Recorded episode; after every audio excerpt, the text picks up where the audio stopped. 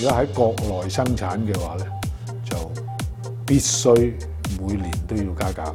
印尼就絕對幫到嘅呢種情況，起碼對我哋嘅客嚟講，嚟緊嘅兩三年嗰個買貨成本唔使增加先。運豪是一家生產高精密鋅合金仿真模型車、合金塑料玩具、五金等產品的香港公司，產品主要銷售至美國。欧洲和内地。上世纪八十年代中期，面对香港工资高、年轻人不愿入行的情况，公司将生产基地全面迁移至内地，只把财务和船务保留在香港办事处。近年，内地一开始出现三十多年前香港人力市场的情形。为了控制成本，公司又一次需要寻找新的生产基地。精品嗰啲嘢咧就好依赖人工，我哋呢类产品自动化程度咧系低好多，所以我哋好依赖廉价劳动力，所以喺国内咧已经提供唔到啦。越南、缅甸和印尼三个东南亚国家都在谭哲豪最初的考虑之列。经过多次考察和了解后，终于敲定在印尼落户。我哋评估过咧，譬如啲税务优惠啊、免税进口呢啲嘢啊，佢唔及其他国家嘅，甚至乎唔及中国添。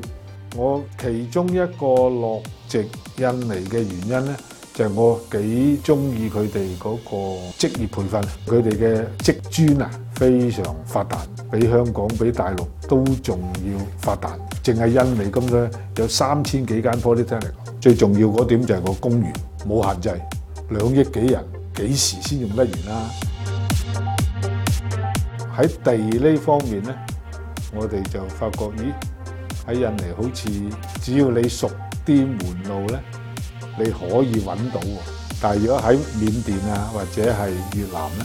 緬甸呢，就係俾一小撮人控制晒啲土地嘅，咁越南呢，就全部政府嘅，冇得你熟唔熟啊？差唔多你你邊個區咩價錢都緊咗咁滯。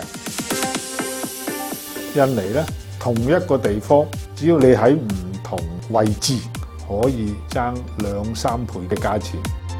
二零一八年，运豪在印尼進三寶垄市买地建厂。厂房于二零二零年投产，目标是雇佣三千人，将印尼厂房打造成公司主要生产基地之余，亦希望将产品打进印尼本地市场。首先，我哋做玩具市场先，比较简单啲嘅，但系我哋最终就系希望喺印尼。取代咗國內生產嗰部分，留翻嘅咧就係個 R&D 同埋個 product development 呢兩方面咧。因為我哋其實個最終客户群咧就係啲收藏家 collector，咁原來印尼都唔少喎。咁我哋跟住落嚟生產呢度一穩定之後咧，我哋都會搞個 marketing team 啦嚇，會開發印尼個市場嘅。谭正豪認為需要時間讓印尼製造得到國際認可和肯定。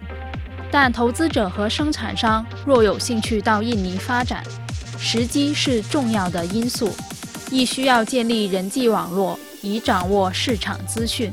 我估计印尼起码都仲有十几年先至可以发展到越南咁样嘅规模。印尼嗰个变化咧会好快，每一个决定咧一定要快。因為我哋去大陸嗰個步伐咧，永遠都係大陸所講嘅一步一腳印噶嘛，個個都摸住石頭過河啊嘛。如果用呢個心態去大島咧，我覺得你不如唔好去啦，因為佢佢個發展太快，打好啲個關係，落户喺印尼嘅嗰啲朋友啦、廠家啦，大家要通啊啲信息。